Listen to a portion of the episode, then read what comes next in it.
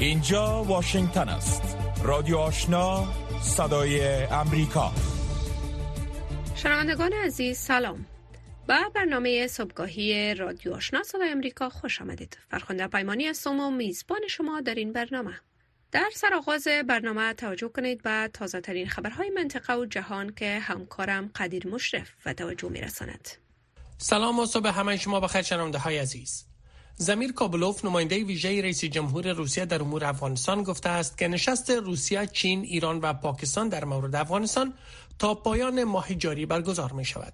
کابلوف به خبرگزاری تاس روسیه گفته است که تعامل با مقام های کنونی افغان تشکیل حکومت همشمول در افغانستان مبارزه با تروریسم و جرایم مرتبط به مخدرات در اجندای این نشست است. خبرگزاری تاس روسیه به نقل از کابلوف گفته است که کشورهای شرکت کننده در این نشست در حال آمادگی و به گفته وی تاریخ و محل برگزاری این نشست به زودی اعلام خواهد شد. تا کنون مشخص نیست که آیا نمایندگان حکومت طالبان نیز در این نشست دعوت خواهند شد یا نه اما در برخی نشست های قبلی به ابتکار روسیه از طالبان نیز دعوت شده بود. دفتر صدر موقت پاکستان با نشر بیانیه‌ای گفته است که برای تامین امنیت انتخابات 8 فوریه در مراکز رایدهی در سراسر آن کشور نظامیان پاکستانی مسقر خواهند شد. بر اساس بیانیه صدارت پاکستان جلسه کابینه بر ریاست انوارالحق کاکر صدر موقت پاکستان روز سهشنبه 23 جنوری استقرار نیروهای اردو و شبه نظامیان را در مراکز رایدهی و ساحات حساس به هدف برگزاری صلحآمیز انتخابات منظور کرد. با توجه به افزایش خشونت ها و حملات تندروان در پاکستان برخی رهبران و احزاب سیاسی پاکستان نگرانند که تندروان اسلامگرا برای اخلال روند انتخابات ماه آینده در آن کشور تلاش خواهند کرد. برد کوپر یکی از فرماندهان ارشد نیروهای بحری ایالات متحده گفته است که در حملات حوسی های یمن بر کشتی های تجارتی در بحیره سرخ ایران به صورت مستقیم دخیل است. جزئیات بیشتر از روی زمانی کوپر در مصاحبه با خبرگزاری اسوسییتد پرس از تبصرت در مورد اینکه آیا تهران حملات حوسی ها را در بحیره سرخ و خلیج عدن دستور می دهد یا نه اجتناب کرد. با این حال کوپر تایید کرد که حملات مرتبط با ایران گسترش پیدا کرده و تهدیدات قبلی تهران که در خلیج فارس و تنگه هرمز محدود بود به گفته وی فراتر رفته و آبهای سراسر شرق میانه را در بر می‌گیرد. کوپر افزود که حملات حوسی ها سبب پاسخ جامعه بین المللی به این حملات شده است. بر اساس گزارش خبرگزاری اسوسییتد پرس مأموریت ایران در سازمان ملل متحد و رهبری حوسی ها در صنعا پایتخت یمن از تبصرت در مورد این اظهارات کوپر خودداری کردند.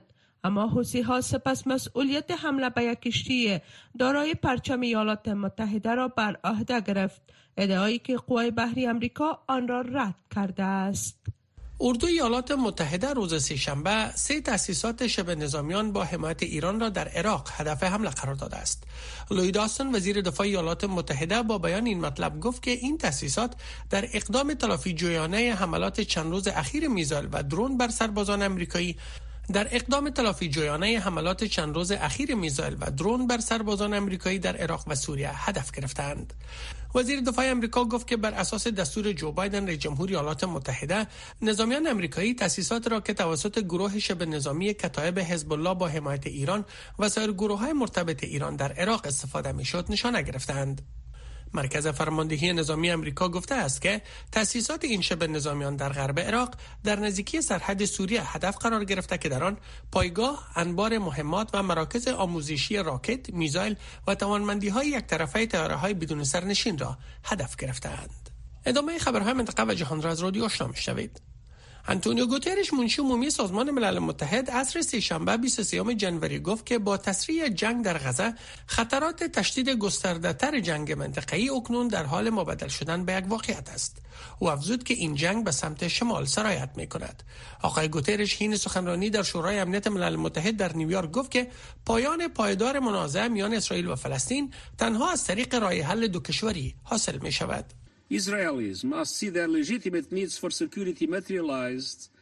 اسرائیلی ها باید شاید تحقق نیازهای مشروعشان برای تامین امنیت باشند.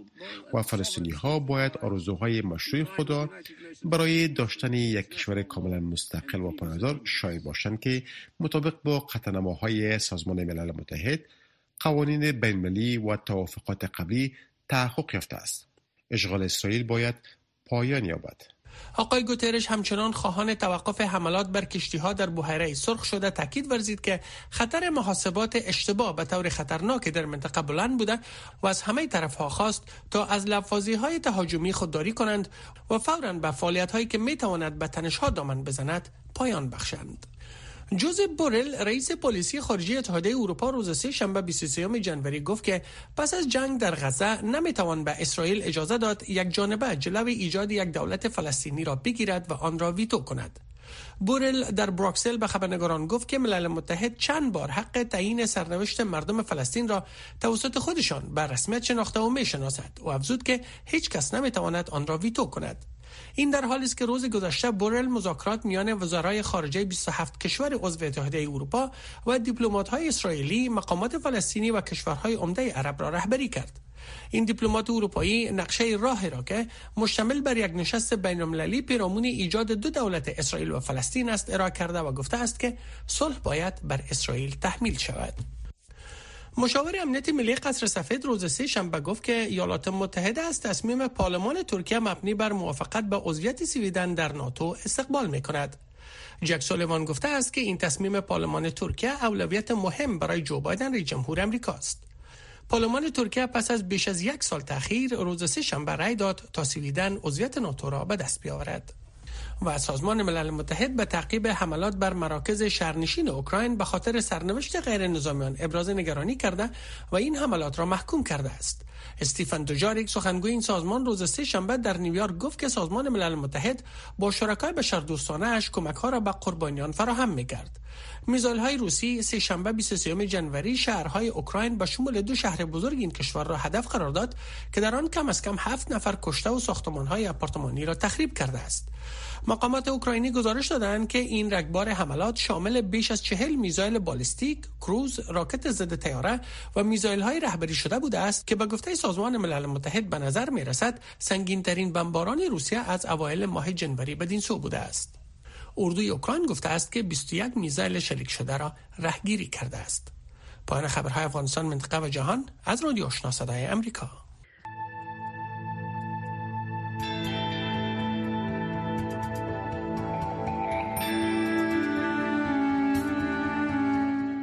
صبح را با رادیو آشنا آغاز کنید. خبرهای منطقه و جهان را از امواج رادیو آشنا صدای امریکا شنیدید. حال توجه کنید به گزارش هایی که در این برنامه برای شما انتخاب کردیم. در حالی که نامزدان حزب جمهوری خواه انتخابات ریاست جمهوری امریکا در مورد امکان منع سقط جنین از سوی حکومت فدرال صحبت می کنند قصر سفید گفته است که موضوع سقط جنین در ورقه های رایدهی انتخابات سال 2024 شامل است. کاملا هارس معاون رئیس جمهور بایدن گسترش و حفاظت از حق دسترسی به انتخاب باروری را شامل مبارزات انتخاباتی بایدن کرده است. توجه کنید به شرح گزارش انیتا پاول خبرنگار صدای امریکا در این مورد که فوزیه احسان آن را تقدیم می کند. با نزدیک شدن رقابت های انتخابات ریاست جمهوری امریکا نامزدان انتخابات با فشاری دارند که سقط جنین موضوع کلیدی است. بر روز دوشنبه در 51 سالگرد قانون کلیدی روویوید که حق سقط جنین را در سطح حکومت فدرال در امریکا ضمانت می کند کمیلا هریس معاون رئیس جمهور امریکا به ایالت ویسکانسین رفت تا حمایت حکومت بایدن از حق دسترسی مکمل به مراقبت های باروری به شمول سقط جنین را برجسته بسازد. In America, freedom is not to be given. در امریکا آزادی داده نمی شود. عطا نمی شود. این حق ما است. حق قانونی ما و این شامل آزادی تصمیم گیری در مورد بدن شخص نیز می شود. حکومت نباید به شما بگوید که در این مورد چه کنید رئیس جمهور بایدن یک کاتولیک فداکار مدام الامر در مورد سقط جنین موقف شخصیش را بیان کرده است او بر روز دوشنبه فیصله سال 2022 محکمه عالی را که قانون روویوید را ملغا و تصمیم سقط جنین را به ایالت ها محول می کند غیر منصفانه خواند. بعد از این تصمیم محکمه او گفت رای دهندگان در ایالت های مختلف به صورت مکرر رای دادند تا حق دسترسی به سقط جنین را حفظ کنند. مردم رای دادند تا حق باروری را حفظ کنند. ما این حفاظت ها را در همه ایالت ها ضرورت داریم. به خاطر دسترسی به مراقبت های صحی خانواده هایتان نباید محدود به شماره پستی شما باشند. هواداران دونالد ترامپ از نامزدان پیشتاز حزب جمهوری خواه می‌گویند ترامپ مخالف سقط جنین است اما موقفش متفاوت بوده و واضح نیست. اما به این موضوع در وبسایت انتخاباتی وی پرداخته نشده است و به تقاضای صدای امریکا برای تبصره در این مورد نیست تا کنون پاسخی ارائه نشده است. مایک جانسون رئیس جمهوری خواه مجلس نمایندگان امریکا در تظاهرات ضد سقط جنین که اخیرا در واشنگتن دی سی راه اندازی شد گفت او محصول یک بارداری غیر پلان شده یک دختر نوجوان بود. ما در حال تصویب این لایه هستیم و امروز ما راه پیمایی داریم چون تلاش زیاد لازم است تا مردم را قناعت بدهیم که هر نوزاد انسانی هر نوزادی که تا کنون تولد نشده است ارزش دارد ارزش اساسی و آنقدر با ارزش که نباید نادیده گرفته شود. دوستان ما هر نوع دلیل داریم که خوشبین باشیم که می توانیم نظر مردم را تغییر دهیم. فعالین ضد سقط جنین می‌گویند خوشحالند که محکمه عالی تصمیم سقط جنین را به ایالت ها محول کرده است. اما آنها اکنون باید تصمیم بگیرند که کدام یک از رهبران می توانند این موضوع را به سطح ملی فراتر ببرند. حق دسترسی به سقط جنین از ایالت لیبرال کالیفرنیا تا ایالت محافظه‌کار کنساس رای موافق به دست آورده است. ایالت اوهایو از ایالت‌های در حال نوسان آخرین ایالتی بود که اواخر سال گذشته با 57 فیصد رای قاطع تایید کرد که حق دسترسی به سقط جنین باید در قانون اساسی زمانت شود. اما رای دهندگان در ماه نوامبر پیشرو در این مورد تصمیم خواهند گرفت. رادیو آشنا صدای امریکا. پنج تا هفت صبح و هفت شام تا ده شب. تازه ترین خبرها و گزارش ها اردوی اسرائیل روز سهشنبه 23 جنوری گفت که روز گذشته 24 تن از نظامیان این کشور در غزه کشته شدند. از آغاز حملات اسرائیل بر غزه این مرگبارترین روز برای اردوی اسرائیل بوده است. اردوی اسرائیل همچنین مدعی شد که شهر اصلی جنوب غزه را محاصره کرده و دهها مبارز فلسطینی را در یک حمله زمینی بزرگ از پا درآورده است. جزئیات بیشتر را از سرعظیمی میشنوید. دانیل هاگاری سخنگوی اردوی اسرائیل گفت که 21 سرباز بر اثر انفجار دو ساختمانی که خود اردوی اسرائیل برای تخریب در آن مواد انفجاری را جابجا جا کرده بودند پس از گلوله‌باری جنگجویان فلسطینی و یک تانک مجاور کشته شدند. پیشتر گزارش شده بود که سه سرباز اسرائیل در یک حمله جداگانه در جنوب غزه کشته شدند. بر اساس آنچه در این مرحله مشخص است حدود ساعت 4 صبح به نظر می رسد که یک missile آرپیجی توسط تروریست ها به سمت تانک که از سربازان حفاظت می کرد شلیک شد و همزمان به آن انفجار دو ساختمان دو طبقه رخ داد. در نتیجه این انفجارها ساختمان فرو ریخت و بیشتر نیروها در داخل و اطراف این ساختمان ها بودند. همزمان با انتشار اخبار تلفات اسرائیل در غزه فلسطینی ها آنچه را که با عنوان یک پیروزی دانستند را جشن گرفتند. اسرائیل تعهد سپرده که حماس را که به نابودی اسرائیل سوگند خورده است را از بین ببرد و حماس با حمله هفتم اکتبر در اسرائیل 1200 نفر را کشت و حدود 250 گروگان را گروگان گرفت که حدود نیمی از آنها در غزه باقی ماندند. به گفته مقامات فلسطینی بیش از 25200 نفر در غزه کشته شدند و بیم آن می رود که هزاران کشته دیگر در زیر آوار باقی ماندند. تقریبا همه دو سه میلیون نفر از مردم غزه خانه خود را از دست دادند. اکثریت قریب به اتفاق اکنون در شهرهای کوچک در شمال جنوب خانه یونس ساکن شدند و بسیار از آنها در خیمه های موقتی خوابیدند. غذا و دارو در حال اتمام است و آب تمیز برایشان وجود ندارد. با بلند رفتن شمار کشته شدگان فلسطینی در غزه قصر سفید بار دیگر خواستار حفاظت از غیر نظامیان فلسطینی شد. اما باز هم همان چیزی را می گویم که قبلا در این مورد گفته بودیم. ما از اسرائیل انتظار داریم که این کار را مطابق با قوانین بین المللی انجام دهد و از افراد بیگناه در شفاخانه ها، پرسونل طبی و بیماران تا حد امکان محافظت کند. در یک انکشاف دیگر امروز صبح دور جدیدی از حملات هوایی نیروهای امریکایی و بریتانیایی صنعا پایتخت یمن را لرزاند. پنتاگون گفت که یک مرکز ذخیره زیرزمینی حوسی ها و همچنین قابلیت های میزایلی و نظارتی حوسی ها را که توسط ایران تمویل می شود و علیه کشتیرانی در بهیره سرخ استفاده می شد مورد هدف قرار داده است. یک مقام ارشد اردوی امریکا که نخواست نامش فاش شود گفت که از 25 تا 30 بم و راکت توسط تیارات جنگی از یک کشتی تیاره بردار امریکایی برخواست کردند و پرواز کردند و بر اهداف حوسی ها پرتاب شدند. مواد مخدر کشنده و مهلک است. مبارزه علیه آن را از همین حال آغاز کنید. مواد مخدر قاتل خاموش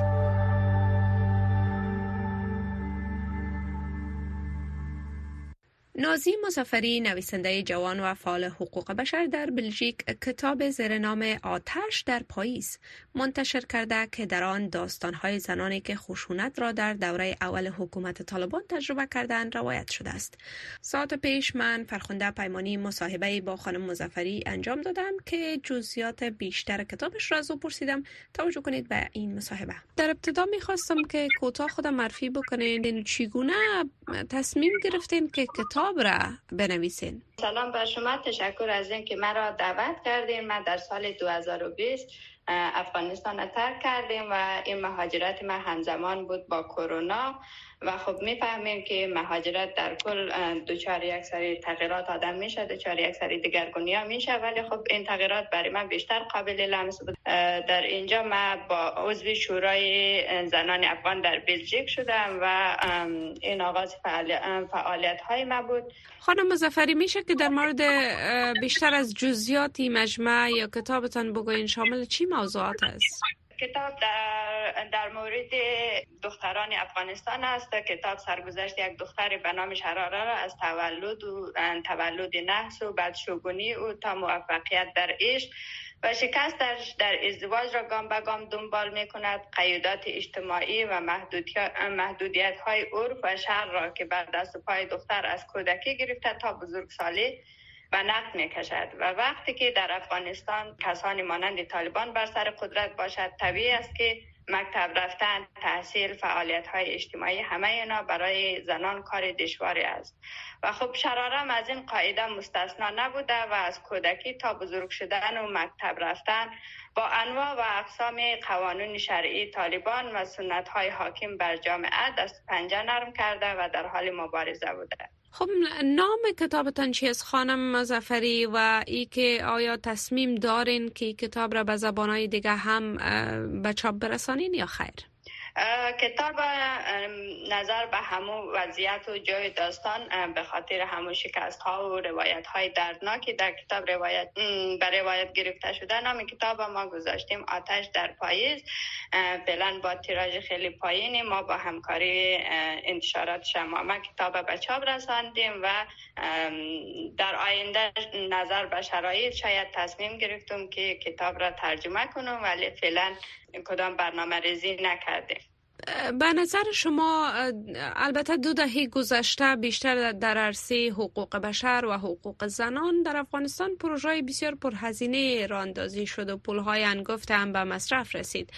ولی به نظر شما چرا کار بنیادی در افغانستان صورت نگرفتن از هم نقض حقوق بشر نقض حقوق زن در افغانستان صورت می‌گیره و تا از زمان دوره حاکمیت اول طالبان تا کنون ببینیم که وضعیت دو دهه گذشته تمام دستاوردهای زنها از بین رفت و وضعیت رو به بهبود نبوده بلکه رو به بدتر شدن بوده. به نظر شما چرا دو دهه گذشته کار بنیادی صورت نگرفته؟ خب دلایل مختلفی می‌تونه باشه. ولی به نظر من موجودیت فساد در همه نهادهای دولتی و نداشتن برنامه های هدفمند و مشخص می‌تواند از دلایل عمده ای باشه که به او خاطر کار خیلی نهادی برای زنان افغانستان و در کل در همه نهادها صورت نگرفته. خب حالا برای دادخواهی برای زنان که در افغانستان تحت حاکمیت طالبان زندگی می‌کنن و قسمی که شاهد هستیم روز به روز محدودیت ها بالایشان بیشتر میشه چی کارهایی را شما انجام میتین و که تانسته باشین حداقل برای زنان در افغانستان دادخواهی بکنین؟ آیا کدام برنامه را شما دارین و یا ای که همچو کتاب را که روایت از خشونت ها و یا محدودیت ها یا نابرابری زنان در افغانستان. به نشر رساندین آیا تصمیم دارین که ای را ادامه بتین یا ای که تصمیم دیگری دارین؟ خب من خودم هم یکی از زنای افغانستان هستم. طبیعتا چیزایی که در افغانستان جریان داره ما هم به نوعی تجربه کردیم و با خودم تصمیم گرفتم هر کاری که بتانم ما باید انجام بدیم. اگر جای لازم باشه حرف بزنم ما حرف می‌زنم. جایی که قرار باشه بنویسم حتما می نویسم و البته یک کار جمعی است. من فکر می‌کنم زنای افغانستان همهشان در کارا سهم بگیرن تا یک تغییر بزرگ در اجتماع به وجود بیاید. رادیو آشنا صدای امریکا هفت روز هفته خبر و گزارش ها و تحلیل های خبری روز. پس از تسلط دوباره طالبان بر افغانستان و مسدود شدن مکاتب متوسط لیسه و ها برای دختران افغان شماره از این دختران برای ادامه تحصیلشان به کشور همسایه چون ایران پناه بردند. اما شماری از این دختران به دلایل مختلف همچنان با مشکلات و های متعددی در زمینه تحصیل روبروند. روی زمانی با اشاره به مشکلات شماری از این دختران گزارش تهیه کرده کینک تقدیمتان می شود درهای مکاتب بالاتر از سنف ششم و دانشگاه ها با حاکمیت دوباره طالبان بر افغانستان برای دختران آن کشور مسدود کردید. فرزانه حسینی محصل پیشین دانشگاه تعلیم و تربیت در رشته جغرافیا و نرسینگی درس خوانده است. بانو حسینی قبل از تسلط طالبان نیم روز مصرف آموزش در بخش جغرافیا بود و در ساعات بعدی قابلگی می‌خواند. فرزانه پس از گذشت مدت از حاکمیت طالبان به ایران مهاجرت کرد و اکنون در آنجا هم سرنوشت معلومی ندارد. آنیده دخترانی که در این گزارش با صدای امریکا صحبت کردند به خاطر مشکلات امنیتی خواستند چهره هایشان نشان دادن نشود. بالاخره بعد چند مدت به ایران اومدم که بتونم در ایران ادامه تحصیل بتونم در ایران ادامه تحصیل دادن نمی‌تونم مشکلات اقتصادی ما زیاد است. نمی‌تونم ادامه تحصیل بتونم. و نگران آینده نامعلوم خود هستم که آینده ما چی خواهد شد. فرزانم می افزاید که برای رفع مشکلات اقتصادیشان حالا در ایران خیاطی می کند. بسیره حسینی خواهر کوچک فرزانه که دروس مکتب را تا صنف دوازدهم ادامه داده با مسدود شدن دروازه های مکاتب موفق نشد دروس خود را به اتمام برساند. و بسیار مشکلات زیاد داریم اینجا. چون طالبا یک وحشت زیاد برای دخترها ایجاد کردن تمام چیزها را برای دخترها بسته کردن پنتون مکتب تمام چیز کورس و اصلا اجازه نمیتن دخترها درس بخوانند دخترها پیشرفت کنه و این بسیار مشکلات های زیاد داریم ما اینجا با وجود که طالبان تا کنون به گونه علنی نگفتند که با ادامه تحصیل دختران مخالف هستند اما در بیش از دو سال اخیر گام های ملموس برای بازگشایی مکاتب و دانشگاه های دختران بر نداشتند. طول سادات محصل پیشین سال دوم رشته طب در دانشگاه باختر نیز سرنوشت مشابه چون فرزانه دارد که متاسفانه با آمدن طالبان اشغال دوباره افغانستان بستن مکاتب و دانشگاه ها مجبور به مهاجرت شدیم. با خانواده به کشور ایران تقریبا به مدت دو سال میشه که مهاجر شدیم. متاسفانه در اینجا هم زمینه کار و تحصیل برای ما فراهم نیست. مبلغی که دولت تعیین کرده برای ادامه تحصیل برای یک مهاجر مبلغ گذافی هست که خانواده ها از پسش بر نمیان. دولت بیانیه اخیرا نشر کرده که اتباع افغانستانی اجازه دست فروشی هم ندارن. با این حال نه زمینه کار و نه زمینه تحصیل برای ما فراهم نیست و کاملا در یک بی سرنوشتی به سر می‌بریم ملا هبت الله خونزاده رهبر طالبان در سخنرانی اخیرش گفته است که تمام حقوق زنان که در نظام های قبلی داده نشده با آنان داده خواهد شد اما او در سخنانش به حقوق آموزش، تحصیل و کار دختران و زنان هیچ اشاره نکرد. با این حال شمار از مقامات طالبان گفتند که ممنوعیت آموزش و تحصیل دختران و زنان در افغانستان دائمی نیست.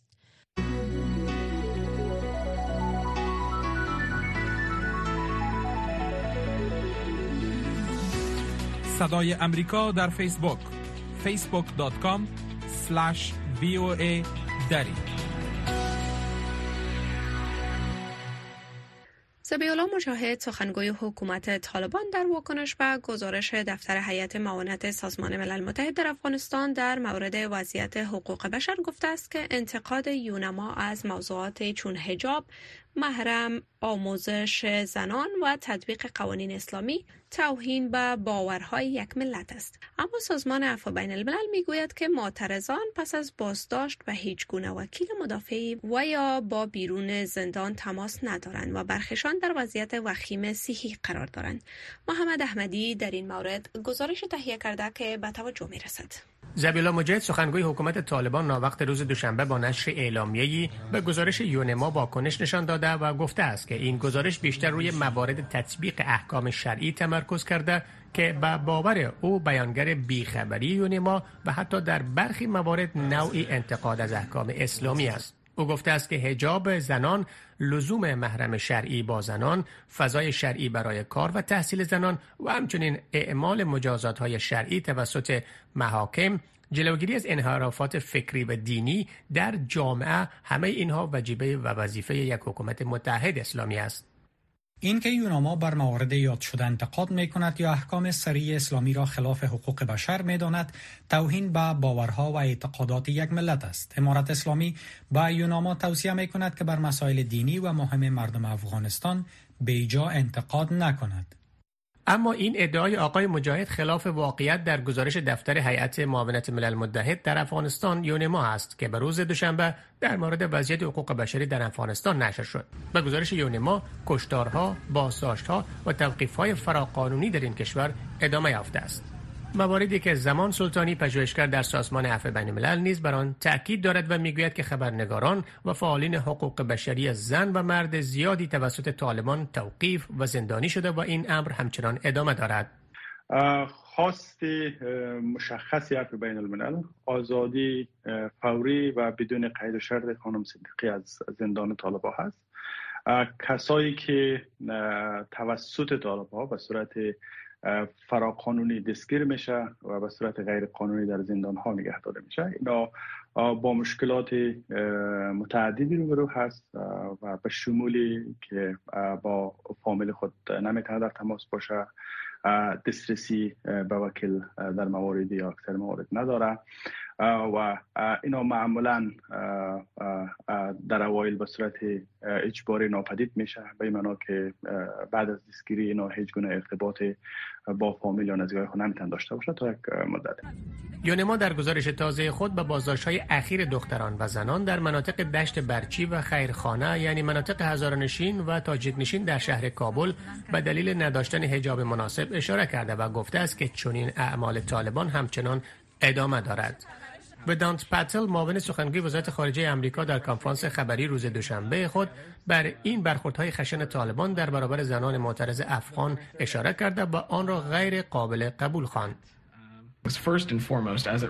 برخورد طالبان با زنان و دختران عدم رعایت حقوق بشر و حقوق اساسی انسانی هر فرد جامعه ادامه دارد و این امر یک نگرانی بزرگ برای ایالات متحده است. و امر است که ما به طالبان واضح ساخته ایم که آن اعمال برای ما غیر قابل قبول بوده و این کارشان در جهت کسب مشروعیت به ضررشان خواهد بود. طالبان در بیش از دو سال گذشته که قدرت را در افغانستان به دست گرفته محدودیت های فزاینده را بر دختران و زنان افغانستان وضع کردند. جامعه جهانی سازمان های بین المللی و نهادهای حقوق بشری این عملکرد طالبان را به نحوه خشونت جنسیتی تلقی کرده و خواستار لغو آن شده است اما طالبان هنوز به این خواست جامعه جهانی تن ندادند.